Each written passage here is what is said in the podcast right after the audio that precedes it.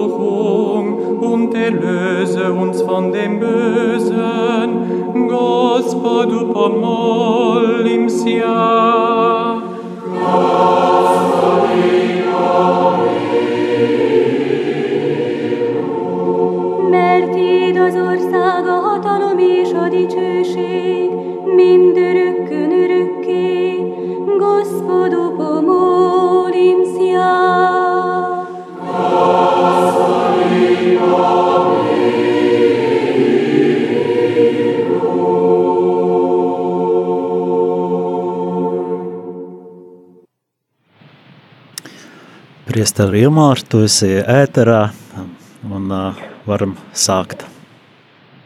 Jā, slavēts Jēzus Kristus, es ceru, ka mani var dzirdēt. Šodien, šorē, šajā reizē neesmu studijā, esmu drusku attālināti, un šodienas tēma, ko mēs pārdomāsim mūsu paradoxāli skaistajā un jaukajā raidījumā, ir attiecības starp ticību un um, darbiem, un parunāsim par tādām problēmām, kas saistītas ar gnosticismu un pelagianismu, neopelagianismu. Um, es ceru, ka nebūs sarežģīti, es ļoti dziļi neiešu gnosticismā, jo tā ir ļoti sarežģīta sistēma, uh, to ļoti var labi pārzināt, studējot filozofiju, bet es mazus akcentus salikšu, man liekas, kad lūdzoties kopā ar Radio Mariju ģimeni Rožakloni, uh, īpaši beigu daļu un arī e, lūdzoties e, Jāzepa litāniju un veltīšanos pie tevis svētais Jāzep, man tieši radās tā doma, ka mūsu tālākajām pārdomām ir dziļa saistība ar to. Tātad kāda problēma šodien tiks apskatīta, tā ir saistīta arī ar tādiem virzieniem, strāvojumiem, kuri mūsdienu sabiedrībā ir ļoti klātesoši un arvien vairāk izplatās. Tas ir mēģinājums ticību padarīt par tādu, nu kā to gnostiķi saka, par tādu ļoti ekskluzīvu un, varētu teikt, ezotērisku tādu pā, nu, pieredzi. Mēs šajā raidījumā runāsim par divām tādām arī svarīgām jomām, kas saucās ezotērika un egzotērika. Tātad ezotērika arī Latvijā ļoti izplatīta. Mēs zinām, ka ir ezotēriskie veikali un ļoti daudz ezotēriskās literatūras, kur, kurās ir pilnīgi informācija pilnīgā pretrunā mūsu ticībā un ezotērika. Viņi mēģina piedāvāt ticību, kurai nav satura, kura ir uh, saistīta ar kādām apslēptām, noslēptām zināšanām un lielākoties ir saistīta ar um, ļauniem gariem un citu pārdabisko pasauli, kas nav saistīta ar Jēzu un Svēto garu. Un tāpēc uh, tā gnoze, gnosticisms, viņš mūsdienās atrod jaunu formu, jaunu veidu, un uh, pirmajos gadsimtos jau tas bija uh, klātesošs. Daudzi komentāri saka, ka gnoze radās jau pirms kristietības, tā ir bija klātsoša gan jūdaismā, gan arī dažādās citādākās gan filozofiskās, gan reliģiskās sistēmās, un lielākoties saistīts tieši ar šādu ekskluzīvu un ezotērisku pieeju, ka ir kādi cilvēki, kuriem ir e, zināmas kādas ļoti slepenas zināšanas, un caur dažādiem, dažādiem rituāliem, caur dažādiem ritiem, tad cilvēki pie šīm zināšanām nonāk. Mēs zinām, ka arī šādu pašu pieeju piedāvā masoni, jeb brīvmūrniecības ložas, kas arī izveido tādu noslēgtu sistēmu, e, kurā cilvēki noslēpmainā veidā tiek ievadīti, piemēram, caur rotāriju klubu vai lauvas klubu, caur tādām elitārām, elitārām sanāksmēm cilvēki tiek noskatīti, un viņi tiek ievesti tādā ļoti apslēptā, noslēpmainā e, tādā pasaulē, un viņiem pie, pie, tiek piedāvāts noslēpmainas zināšanas. Mēs zinām, ka arī baznīca ir um, nu, neatzīst, neatbalsta un pat nosoda šīs sistēmas kā masonērija, brīvmūrniecību, un tie cilvēki, kas ir katoļi un kas ar to saistīti, viņi pat uh, ir izslēgti kā no baznīcas. Tad ļoti strikti uh, tiek uh, šis jautājums skatīts. Un pašā pamatā ir tā doma, ka uh, Kristus tā tad nav uh, iemiesojies, Kristus ir tikai viena no uh, tātad dievišķības formām, tādām izpausmes formām, uh, Un līdz ar to ir pilnīgi vienalga, mēs jau ar iepriekšējos raidījumos runājam, kad runājam par to domu, ka ārpus baznīcas nav pestīšanas, ka ir kaut kāds noslēpmains spēks, kurš klātsošajā pasaulē, bet pie viņa var nonākt tikai tādā slepenā, ekskluzīvā veidā, tātad īpaši kaut kādi izredzētie cilvēki. Un tad ir tas tā gnostic, gnosticisma, tās izpausmes formas ļoti dažādas, to nevar īsti līdz galam pateikt. Nu, viņas ir katrā gadsimtā, katrā laika posmā, viņi izpaužās citādāk. Un, eh, kā mēs redzam, arī viena no šīm izpausmes veidiem ir šādi te noslēpumaini klubi, kuros notiek noslēpumainas garīgas prakses. Eh, kāpēc arī svarīgi šo jautājumu apskatīt? Tāpēc, ka Pāvis Francisks dažos savos dokumentos viņš raksta par mūsdienu gnosticismu un neopelagianismu. Un tāpēc ļoti, mēs arī vēlāk aplūkosim, kas ir pelagianisms, bet sākumā tātad šis gnosticisms tas ir ticība bez satura un ietvara.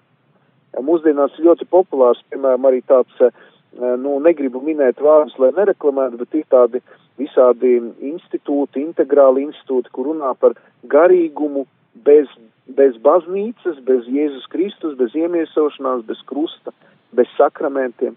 Tātad universāls izplūdes garīgums. Tātad, un ļoti daudzi e, cilvēki mūsdienās, kur ir e, izglītoti intelektuāļi, tā var teikt, sabiedrības elite, viņus ļoti fascinē šās garīgums, jo tur nav vajadzīgi baušļi, tur nav vajadzīgi sakramenti, tur nav vajadzīga baznīcas, eh, baznīcas likumi, baznīcas baušļi, tātad tu vari dzīvot kā tu vēlies, bet tad tu kaut kur pieslēdzies kaut kādam abstraktam, ekskluzīvam garīgumam un tādā veidā kaut ko saņem, sakārto sevi, eh, nezinu, piedzīvo kaut kādu piedzīvojumu tā tālāk.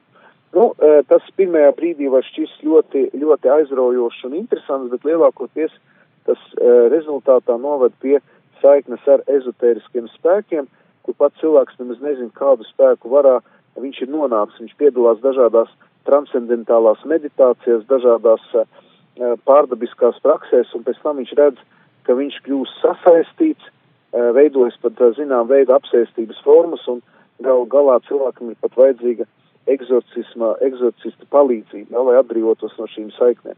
Un tas arī ir viens no uh, ļaunā gara sātana trikiem, lai aizvestu cilvēkus no Dieva, no baznīcas, no Jēzus Kristus. Uh, viņi, viņi saka, nesaka, ka Dieva nav.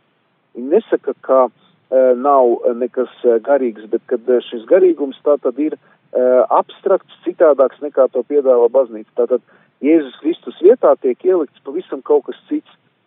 Tātad forma, tiek, tiek saglabāta, ka tev arī būs kaut kāds rituāls, kaut kāda ceremonija, bet saturs ir pilnīgi cits. Un, un pats cilvēks var izlemt, kādu viņš saturu tur ieliks. Jā. Kā mūsdienu cilvēks saka, nevis, nevis uh, baznīca noteiks, kas ir Dievs, kas ir ticība, kas ir Jēzus Kristus, bet pats cilvēks to noteiks vai kādas cilvēku grupas, un viņš pats tad jutīs, kādā, kādā veidā viņš šo ticību izdzīvos. To arī teoloģijā sauc par imanentismu, kas arī ir ļoti izplatīts mūsdienās, kā es jūtu ticību, vai es jūtu uh, siltumu sirdī, vai es jūtu pieskārienu. Tiklīdz kā mēs ticībā sākam runāt par jūtām, protams, kad uh, jūtu pasauli ir saistīta ticība, mēs nevaram teikt, ka ticība būtu pilnīgi bez jūtām, bet tiklīdz kā cilvēks sāk uh, ticību analizēt balstoties no jūtām, tā uzreiz ir viens milzīgs risks, nonākt imanentismā. Tātad, ja es nejūtu, ja es nepiedzīvoju, ja nav kaut kāda pieredze, ja nav kaut kāds pieskāriens, ja, tātad ticības tur nav vai nav žēlstības un tā tālāk. Un tas arī viens no gnosticisma veidiem, kad ne, tiek piedāvāts tātad e, visu balstīt uz to, kā es jūtos, lai, lai es justos labi, lai man būtu forši, lai es kaut kādā meditācijā iegūtu tikai mieru un tā tālāk. Tas viss var būt ticībā, bet tas nevar veidot ticību lielākoties miers, prieks, tie ir svētā graugļi, tas, protams, var pavadīt ticību, bet tas neveido, neveido ticības kodolu. Ja tas būtu tā ļoti īsi, ļoti konkrēti, nu, koncentrēti, man nav laika ļoti plaši izplūst gnosticismā, bet galvenokārt tas ir ezotērisks un lielākoties tāds um, ekskluzīvs, kaut kāds noslēpumains veidojums, kur cilvēks nonāk kontaktā ar tādiem abstraktiem pārdabiskiem spēkiem, kur lielākoties ir saikne ar ļauno garu, jo ļaunais gars arī mēdz slēpties. Viņš mēdz, eh, kā tagad lieto mutācijas, kā runā par vīrusu mutācijām, nāk jauni eh, šie mutāciju veidi, tā arī ļaunais gars līdzīgi kā, kā šie vīrusi, viņš mutē un atrod jaunus formus, jaunus veidus, kā uzbrukt. Un mūsdienās eh, cilvēkiem tiek uzbrukts ar šādām ezotēriski gnostiskām mācībām, lai atvirzītu viņus no patiesās ticības, no patiesās baznīcas. Mūsdien cilvēks saka, katoļu baznīca nav interesanta, ja? Viņa, ir, um, viņa ir augsta, viņa ir um, ar savām struktūrām ļoti nepievilcīga, un tāpēc mēs izvēlēsimies dažādus šādus ezotēriskus un gnostiskus spēkus. Un Pāvis Francisks arī savos dokumentus ļoti skaidri parāda, ka tiklīdz kā mēs izņemam ārā no ticības iemiesošanos Jēzus Kristus krusta nāvi, viņa goda pilnu augšām celšanos un baznīcas dibināšanu, ja, un baznīcu kā tādu, mēs momentāli e, pazaudējam e, saturu, mēs pazaudējam būtību un ieslīgstam šādos te, e, šādos te, šādās formās. Es domāju, mēs tagad varam arī doties mazā muzikālā pauzē, un tad mēs parunāsim par, e, par um, neopelagianismu, kas ir kaut kādā ziņā pretēja, pretējais grāvis, un tad mēs beigās veidosim šo sintēzi, kāds tad ir mūsu kā kristiešu eh, un katoļu patiesais ceļš.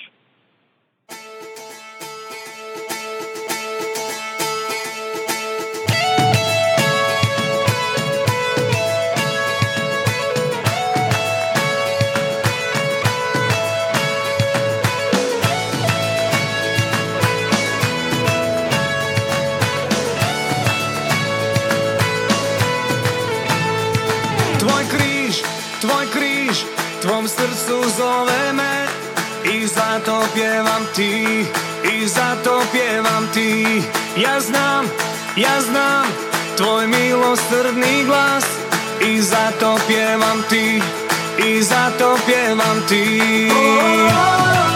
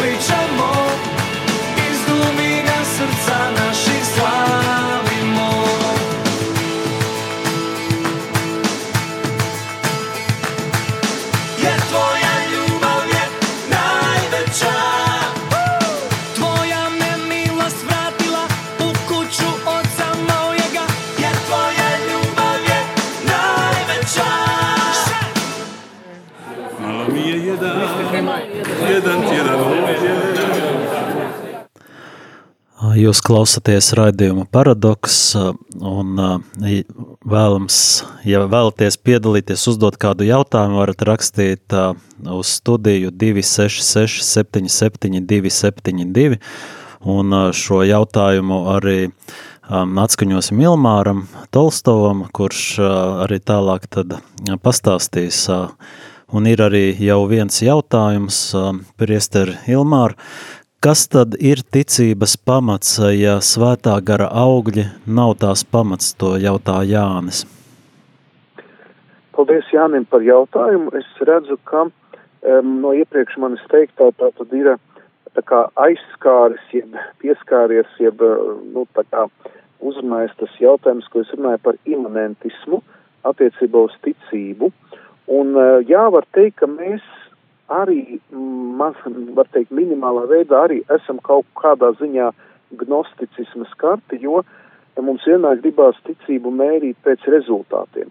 Un mēs arī atbildot šo jautājumu pāriesim uz to otro daļu, kas būs saistīts ar pelagianismu, kas ir otra galība, ka cilvēki vēlas ar savu darbību eh, nopelnīt Dievu valstību, eh, nopelnīt, eh, nu, tā kā iegūt ticību, kad mēs gribam ar, ar darbiem, ar savu rīcību, ar rezultātiem, ar augļiem tā kā izpelnīties Dieva labvēlību. Un jāsaprot, ka arī īpaši apustuļa Pāvila vēstulēs, arī viņa teoloģiskie domā ir uzsvērta e, ticības nozīme, kas e, parāda to, ka ticības pirmā kārtām ir Dieva dāvana un Dieva žēlastība. Un, ja arī mums ir šie svētā gara augļi, tad tas nav mūsu nopelns, bet tā ir nepelnīta Dieva dāvana, lai mēs kalpotu.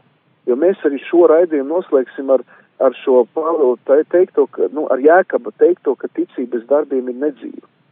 Jo bieži vien tagad mēs arī esam uh, kristiešu vienotības nedēļas ietvaros, jo ir sākusies lūkšana nedēļa par kristiešu vienotību, mēs zinām, ka starp uh, katoļu ticīgiem un luterāņiem un arī citiem protestantiem bija šis ļoti grūtais jautājums, varbūt joprojām ir, bet uh, arī šīs uh, īpaši luteriskā un katoliskā baznīca ir ļoti daudz jau ir uh, jau risinājuši šo, šo jautājumu par to, ka, uh, ka vai mēs ticību uh, varam nopelnīt ar darbiem, vai tomēr ticība ir Dieva žēlstība un nav uh, iegūstama ar kaut kādu darbību.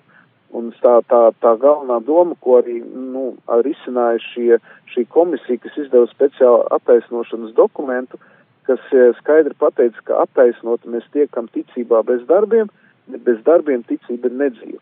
Un tāpēc atbildot šo jautājumu, var teikt, jā, ka svētā gara augļi viņi ir un viņi ir svarīgi, bet tas nevienmēr var eh, liecināt par to, ka, kāda ir mūsu ticība. Jo var gadīties, ka nu, eh, mēs ticam, mēs lūdzamies, bet nejūtam svētā gara pieskārienu. Vai, piemēram, tie svētā gara augļi ir tādi, kurus mēs paši nepamanām vai apkārtējiem liekas, ka mēs eh, varbūt eh, nemaz neko daudz nedaram. Tāpēc gribu teikt, ka, jā, Pāvils saka, ka eh, ticības darbi, ja ticība parādās darbos, bet pirmām kārtām pirmais augurs ir mīlestība. Un mīlestību viņu nevar neizmērīt, neizteikt, un ne, viņa nav tik ļoti saistīta ar kaut kādām, piemēram, jūtām, jo mūsdienu sabiedrība, kas ir ļoti vērsta uz, uz, uz, uz jūtām, uz, uz tikai uz, uz ārējām izpausmēm, viņi visi, visi tiek vērtēts pēc tā, kā mēs jūtamies, kā mēs, eh, kā mēs piedzīvojam, vai kaut kāds pārdzīvojums, emocionāls piedzīvojums un tā tālāk.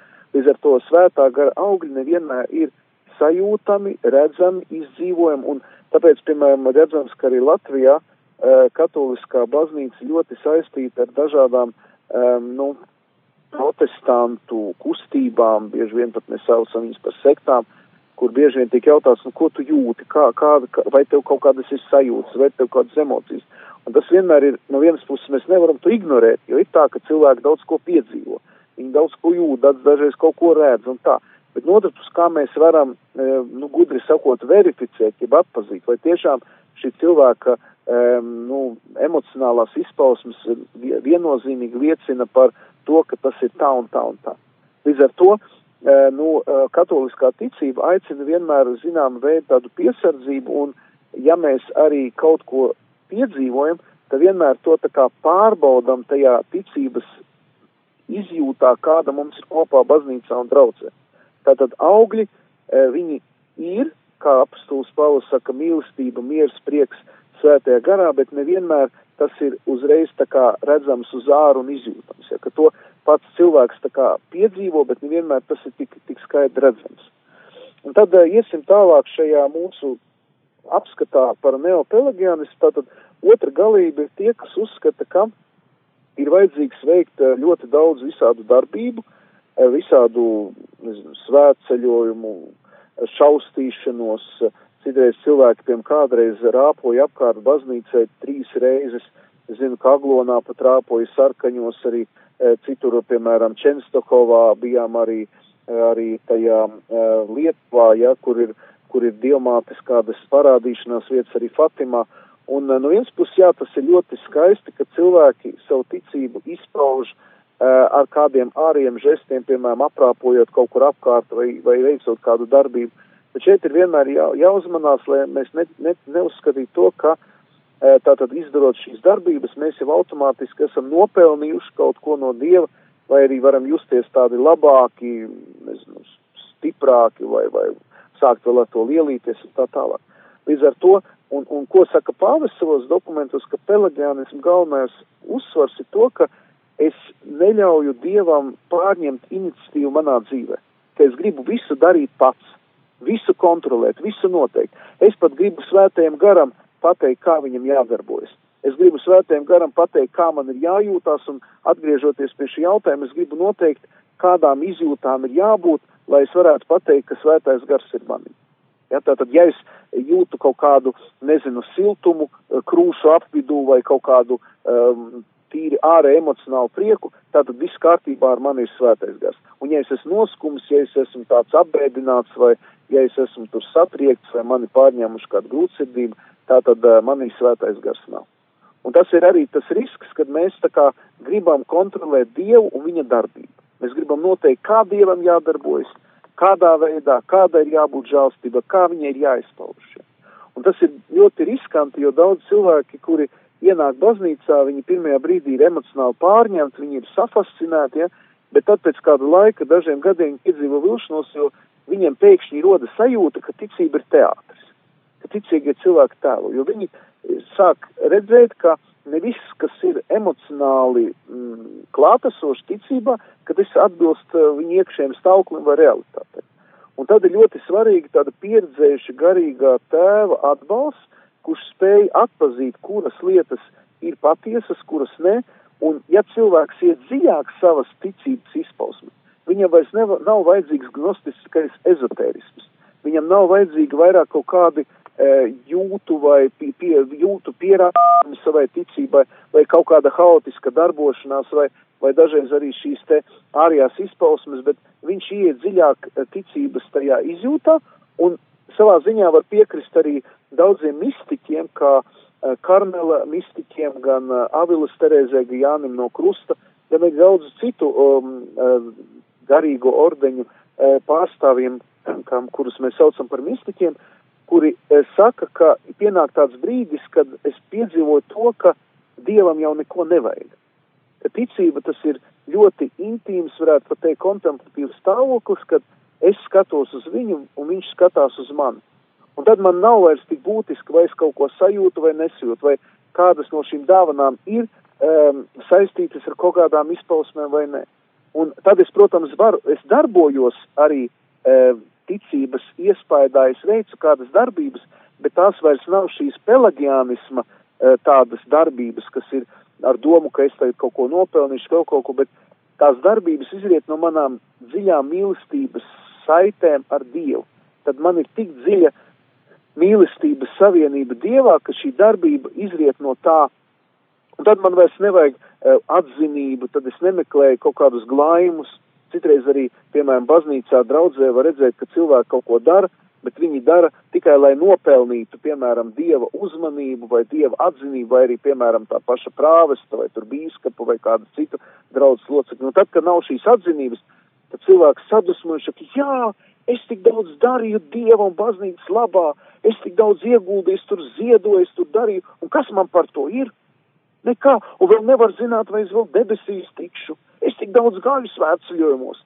Es tik daudz visu darīju baznīcā, un čiks, un nekā nav, un man nav, manī nav prieka, manī nav, nav tās mīlestības, un es draudzē nejūtu šo mīlestību, neviens mani nemīl, neviens mani neatbalsta, man nav vajadzīga tāda draudze, es eju projām, jo redz, es tik daudz esmu ieguldījis, tik daudz darbojies, un kas tā par draudzi, tur neviens neapskau viens otru un tā. Nu, es mazliet ieskicēju eh, to problemātiku, kad ja mēs ejam pie Dieva, gaidot, ka mēs kaut ko saņemsim, nopelnīsim, ka mums kaut kāda būs atzinība, ka mums par to tiks kaut kas samaksāts un tā tālāk. Ja.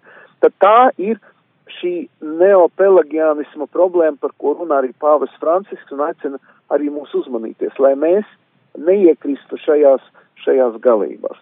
Mēs, es domāju, atkal varam doties kādā muzikālā pauzē, lai pārdomātu un ja kādam ir kādi jautājumi, droši varat zvanīt, rakstīt, mēģināšu to atbildēt.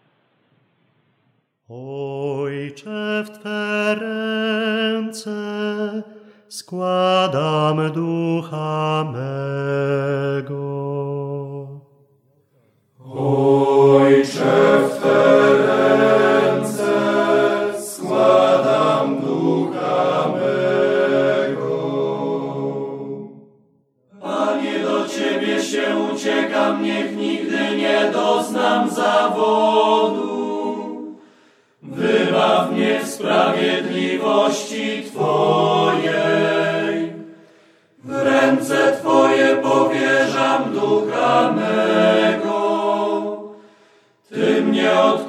Dziś, Panie, wierny Bóg.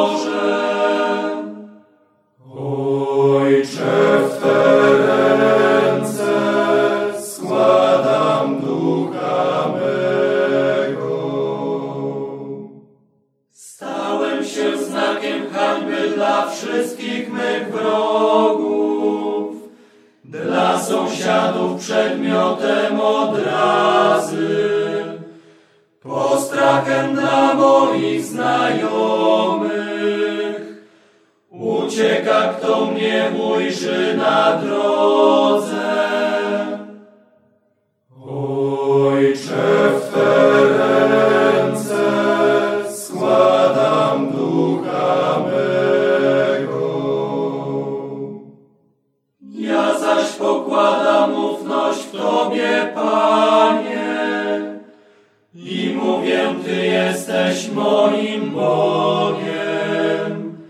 W Twoim ręku są moje losy. Wyrwij mnie z rąk wrogów i prześladowców.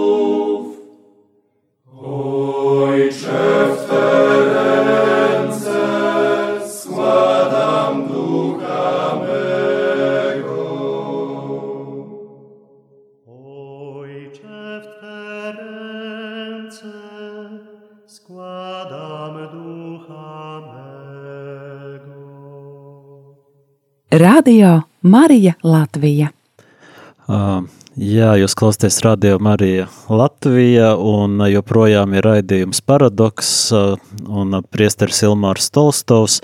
Mums ir divi jautājumi. Priesteri Ilmāri, es nolasīšu jautājumus, kas mums ir atsūtīti uz studiju. Um, sākšu ar īsāko. Vlada interesējas, kādas psiholoģiskās grāmatas varētu lasīt? Um, nu, Un jāsaka otrs to, jautājums, uh, tad Jānis interesējas, pret ko protestē protestanti, un vai labie darbi arī nav debesu valstības pelnīšana? Jā, paldies par šiem jautājumiem. Vispirmām kārtām jāsaka to, ka 16. gadsimtā katoliskajā baznīcā bija problēmas, un tāpēc tas ir dziļi saistīts ar mūsu tēmu ticību un darbi, jo tajā laikā bija ļoti izplatītas tādas dažādas garīgās prakses, kas bija saistīts ar darbību. Ļoti spēcīgi bija svētceļojumi, bija ļoti daudz relikviju godināšanas, un mēs zinām arī, ka bija m, mm, tāda nu, akcija, tika celta Pētera bazilika, un tika tirgotas tās saucamās grēku atlaides zīmes, jeb indulgens, netika tirgota pati grēku piedošana, bet, kad cilvēks aizgāja pie grēksūdas, tad viņiem deva gandarījumu samaksāt naudiņu eh, par grēkiem, lai varētu uzcelt Pētera baziliku. Nodoms bija ļoti skaists, lai būtu skaista Pētera bazilika, pa vajadzīgi liela līdzekļi. Beig beigās tas pārvērtās par tādu milzīgu pelagiānis, milzīgu darbību, un tā laikā arī teoloģijā valdīja liela neusticība misticismam. Piemēram, Naba Gavilis Terēze, kad rakstīja savu e, darbu dzīve un pilnības ceļš, tā grāmata tika laista caur inkvizīciju un bija pat aizdomas, ka viņas mistiskie redzējumi pārdzīvojumi Spānijā ar Jānim no Krusta, ka viņi ir kaut kādi, nu, nesaistīti ar baznīcas ortodoksiju, ar teoloģisko domu un tā tālāk. Tad tai laikā bija ļoti liels uzsvars tādu praktiskumu, uz tā praktisko reliģiozitāti, arī teoloģijā valdīja liels tā saucamais esenciālisms, jeb ontoloģisms, ja, viss tika pamatots tikai ar scholastiku un tā tālāk. Un jāsaprot to, ka tātad Mārtiņš Luters, kā arī teoloģijas doktors Augustīniešu mūks, viņš redzēja to, ka ir pārāk maz runā par ticību un žēlastību. Viņš, protams, protams izlasīja vēstuli romiešiem un tās bāzes veidoja savu jauno doktrīnu, kurā nosodīja tādas ārējas prasības, ārējas tādas darbības un iekrita otrā galī, galībā, ko mēs varam teikt, saukt par fideismu, ka tikai ticība, tikai žēlastība, tikai Kristus, un, un no, sāka nosodīt, noliegt visas ticības ārējās izpausmes.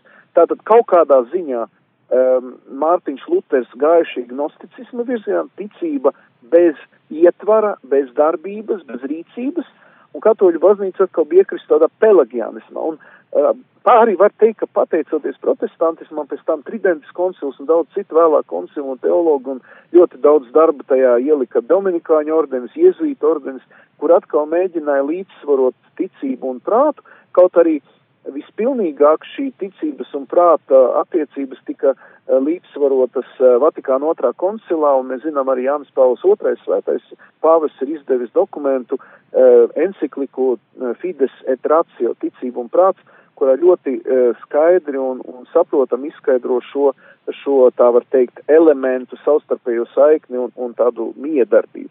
Tā kā tas ir teoloģisks jautājums, mēs mums nav laika šeit tur izsnāt, kaut varētu veltīt tam atsevišķu, protams, raidījumu vai varbūt pat, pat vairākas konferences. Tātad uh, protestantu būtība, viņi nespēja pieņemt to, ka ir tik daudz ārējās darbības un aktivitātes un par maz runā par ticību un dievu žēlastību. Un atbildot uz otru jautājumu, tātad kādas psiholoģiskās grāmatas var lasīt, nu es gribu arī teikt, ka ticības dzīvē ir kaut kādā ziņā jānodala šīs trīs jomas - fiziskā, psiholoģiskā un garīgā. Un es, piemēram, un tie cilvēki, kas jau ar mani tiekās, viņi ļoti labi zina, ka es šīs jomas nodalu, un e, es teikšu tā, ka šīs jomas, protams, pārklājas un ietekmē viena otru, bet e, skaidrs, ka cilvēka fizisko būtību E, fizisko daļu jārastē, piemēram, mediķiem, psiholoģiskās problēmas ir jārastē psihologiem, psihoterapeitiem, psihiatriem un citiem speciālistiem saistībā ar cilvēku psiholoģisko sfēru. Un garīgās lietas ir jārastē garīdzniekiem, tātad grēku sūdzu, grēku piedošana, ja ir apsēstīti tie ir egzorcisti un tā tālāk. Es nesaku, ka Dievs nevar dziedināt pārdabiski mūsu fiziskās kaitas. Dievs to var, un viņš arī dara, ir brīnumi, kur notiek fiziskas dziedināšanas. Dievs var izdziedināt arī psiholoģiskas problēmas, arī kaut kādas, um, nezinu, depresijas un, un neirozes, psihozes un tā tālāk.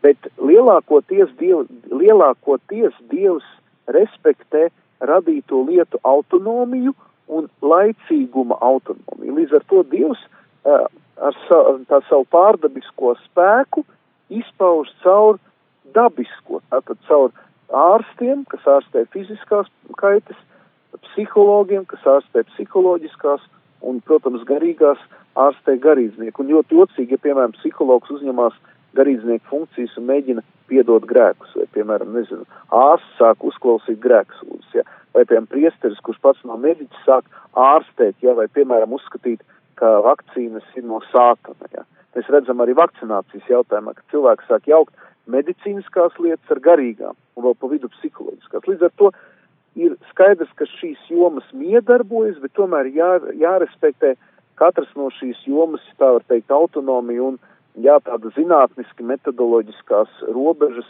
ka mēs nevaram tīrā veidā iejaukties, piemēram, psihologu vai mediķu darbā, bet skaidrs, ka Dievs, ja mēs lūdzam, viņš var arī pārdabiski dziedināt fiziski un arī e, psiholoģiski. Es ceru, ka es atbildēšu šim jautājumam. Jā, man vēl viens jautājums ir. Jā. Jānis turpina interesēties, un kur ir garantija, ka baznīca mūsdienās arī neiebrauc vienā vai otrā grāvī? Garantijas nav, jo baznīca joprojām īpaši, kas skar šos jautājumus par ticību un pātu, piemēram, arī laicīgo un garīgo, viņi jau, viņi jau nevar neiebraukt grāvī, jo jāsaprot to, ka pat ja Dievs mums ir devis savu atklāsmi, dievišķu atklāsmi, nav jau tā, ka baznīcai viss ir skaidrs.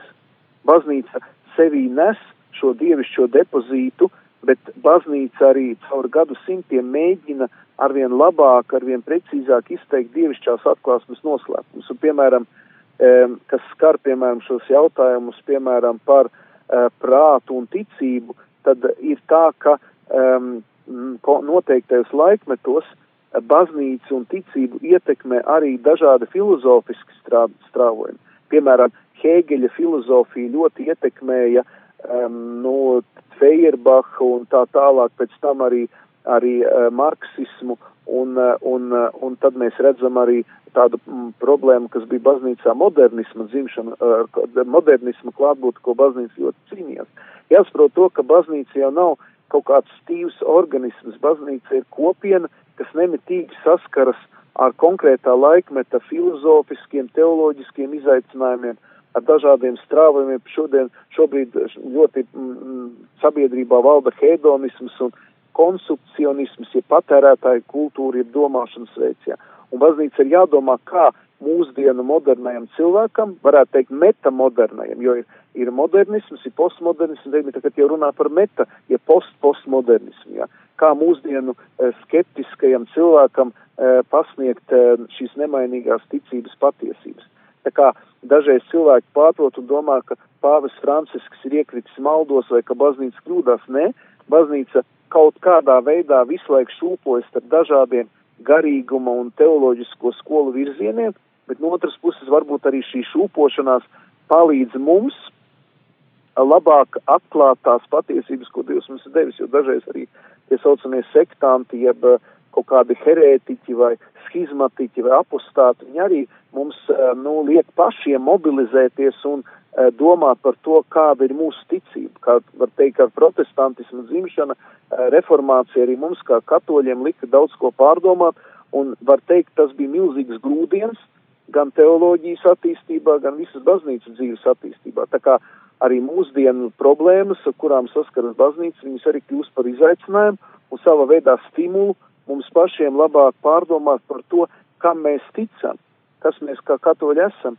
kas ir mūsu ticības pamatā. Ja? Tā kā tas ir ļoti, ļoti vērtīgs, vērtīgs izaicinājums.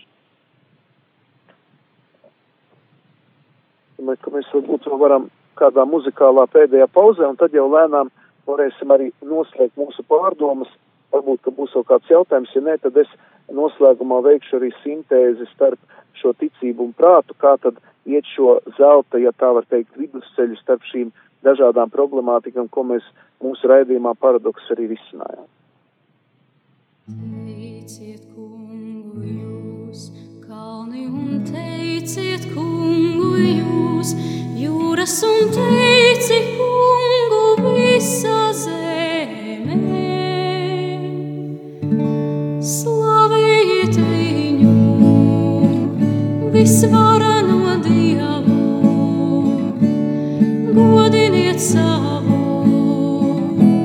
radītāju.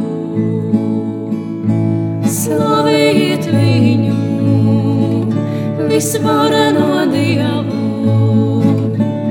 godiniet savu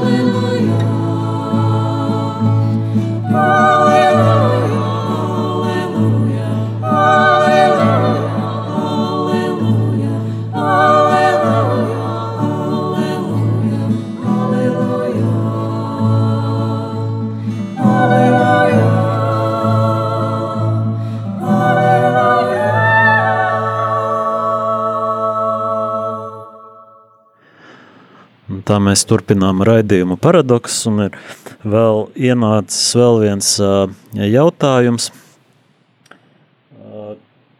Kāpēc daži cilvēki meklē sev piemērotāku baznīcu? Jā, nu, es domāju, ka tas, ka atkal ir saistīts ar šo ticības imanentismu, kurā mēs šobrīd ļoti spēcīgi dzīvojam, un ko es teicu, ka mēs šobrīd mūsdienu cilvēks grib pakārtot Dievu, baznīcu, garīdznieku savām vēlmēm. Mēs dzīvojam tādā ļoti, nu, kā lai pasaka, uz egocentriskā, nu, uz sevi vērstā sabiedrībā, kur cilvēks liek sevi Dieva vietā, kur visam ir jākalpo viņam un nedod Dievs, ja pāvis, bīskaps vai prāves vai kāds pateiks kaut ko, kas man nepatīk. Ā, jābrauc pie šī priesterīša, viņš ir foršs, viņš ir tik smuki runā, viņš tur izklaidē, viņš joko, ja, viņš tur smaida, ja, avo šis man nepatīk, ja. Agrāk cilvēki tā mm, neanalizē garīdzniekus, draudzes, kas viņam labāk patīk vai ne, viņi gāja tāpēc, ka viņi ticēja, un, un ticība nebija saistība ar šo personālo tādu skatījumu. Šobrīd garīdznieks kļūst par tādu mazu guru, ja? tātad personāli, tātad man šis priesteris patīk, viņš ir foršs, viņš tur ir gudrs. Es nedomāju, ka viņš ir alter Kristus, ka viņš ir, nav svarīgi kāds tur garīdznieks, un to var ļoti labi redzēt, ka notiek šīs rotācijas, ka priesteris pārceļ, cilvēks saka, es vairs uz turien neiešu, man tā draudze nepatīk, tur nav tas garīdznieks un tas. Tas viss ir šis imanentis, bet mēs dzīvojam tādā sabiedrībā, kur tas tiek kultivēts, jā. Un tāpēc es domāju, ka šīs mūsu pārdomas aicina arī mūsu katru veikt tādu revīziju, inventarizāciju, varbūt rekolekcijas, kam tad es galu galā ticu. Vai es ticu tikai tādiem saviem priekšstatiem, savām iedomām, vai tomēr esmu aicināts iet arī tādu, varētu teikt, mistiķu ceļu, kā uz to aicina Karmela mistiķi, arī citu ordeņu mistiķi, kuri aicina tomēr, um, nu, net, neteiksim, atteikties, bet nolikt tā kā otrajā plānā tās manas jūtas, izjūtas, emocijas, bet vairāk pie, pieskarties tam kodolam, tam ticības būtībai. Un, un es gribētu arī noslēdzot šo mūsu redzējumu, iedot tādu atslēgu, jo varbūt daudz cilvēki, klausoties šīs pārdomas, būs apjukuši. Nu, ko tad priesteris Ilmārs tagad kādu, kaut kādas paradoksus, kaut kādas tur lietas runā tā un šitā, un nav nekādas skaidrības. Vienīgā atslēga ir Jēzus Kristus, jo Jēzus Kristus ir patiesas Dievs un patiesas cilvēks, un viņā satikās un satiekas dievišķais un cilvēciskais, pārdabiskais un dabīgais. Un tāpēc, jo vairāk mēs lūdzam Jēzum, lai viņš pārņem mūsu dzīves visas jomas, jo vairāk mēs tiekam līdzsvarot un harmonizēti cilvēciskajā, psiholoģiskajā un garīgajā jomā. Jo cilvēks ir dziļākās attiecībās ar Jēzu, viņu vairs nesatrauc priesteru pārcelšana vai draudze tāda vai šitāda. Viņam neinteresē, vai tur smuki dzied koris vai nesmuki, vai tur tas patīk vai nepatīk. Viņš nesāk tur tā kā tāda princese vai dāma, tur tas man ir tā, tas šitā. Viņš iet dziļākās attiecībās ar Kristu, un viņam daudzas lietas kļūst mazsvarīgākas. Viņš vairs necepjās par sīkumiem, viņš nedomā, ko viņš par to dabūs, kāds tur būs atalgojums, viņš nedomā, cik viņš tur noskaitīs rožakluņus vai cik svētceļams viņš noies. Var lūgties daudz rožakluņus, var noiet daudz svētceļams, var izdarīt daudz darbus, var, var daudz ko darīt, bet visa pamatā ir, kādas ir manas attiecības ar Jēzu Kristu. Vai es esmu ciešā kontaktā ar viņu, vai es eju bieži pie grēksūdzes reizi mēnesī, reizi nedēļā, vai es pieņemu bieži svēto komuniju, vai es esmu gatavs kalpot draudzē arī tad, ja man tur viss nepatīk, ja es neko nesaņem, ja man nav nekāda atzinība vai kaut kas tam līdzīgs. Ja, tātad ļoti svarīga šī ticības attīrīšana, ticības atbrīvošana no piemaisījumiem, no liekā. Un tāpēc, ja ir iespējams, izmantosim iespēju piedalīties labās rekolekcijās, kaut, ar kaut kādiem labiem garīgiem tēviem, īpaši, ko organizē mūsu lielie ordeņi un klosteri, kā karmelīti, dominikāņi, franciskāņi, jezuīti. Ja tās ir milzīgas garīgās skolas, caur kurām mēs varam augt, pieaugt un, un, un tiešām iet dziļāk šajās attiecībās ar Dievu. Tā kā tas būtu man tāds novēlējums, nezinu, vai ir vēl kāds jautājums, ja ne, tad mēs arī varēsim pakāpeniski noslēgt arī mūsu raidījumu. Jā, Priester Ilmārs, šobrīd jautājumi nav tikai kāds komentārs, ka uh, tēmas ir tik interesantas, ka varētu mūzikas pauzes vispār netaisīt, tikai runāt, lai varētu paspēt šos jautājumus iztirzāt. Nē, mūzikas pauzes ir svarīgas, jo tāpēc, ka mūzikas pauzēs mēs varam pārdomāt, bet es domāju, ka mans uzdevums ir ieskicēt tikai problemātiku. Ja kādam ir kaut kādi vēl dziļāki jautājumi, var man personīgi zvanīt, sarunāt tikšanos, Salaspils arī ļoti brīnišķīga pilsēta, var braukt ciemos un uzmeklēt arī kādu citu garīdznieku, viņam uzdot šos jautājumus, jo svarīgi, lai mēs nepaliekam tādā tukšumā, lai mēs nepaliekam tādā stagnācijā, jo mans uzdevums jau būtu drusku uzkurināt, kā uz, uz, uz, uzcelt to lietu, ja, bet tālāk jau es aicinu katru individuāli ar saviem garīgiem tēviem, bikstēviem, savu draudzi risināt šos jautājumus, jo skaidrs, ka viennozīmīgi atbilžu mums nav, bet ir svarīgi, lai mēs neiekrītam šajos grāvjos, šajās galībās, bet lai mēs drosmīgi dodamies priekš kopā ar Jēzu Kristu viņa dibināto baznīcu.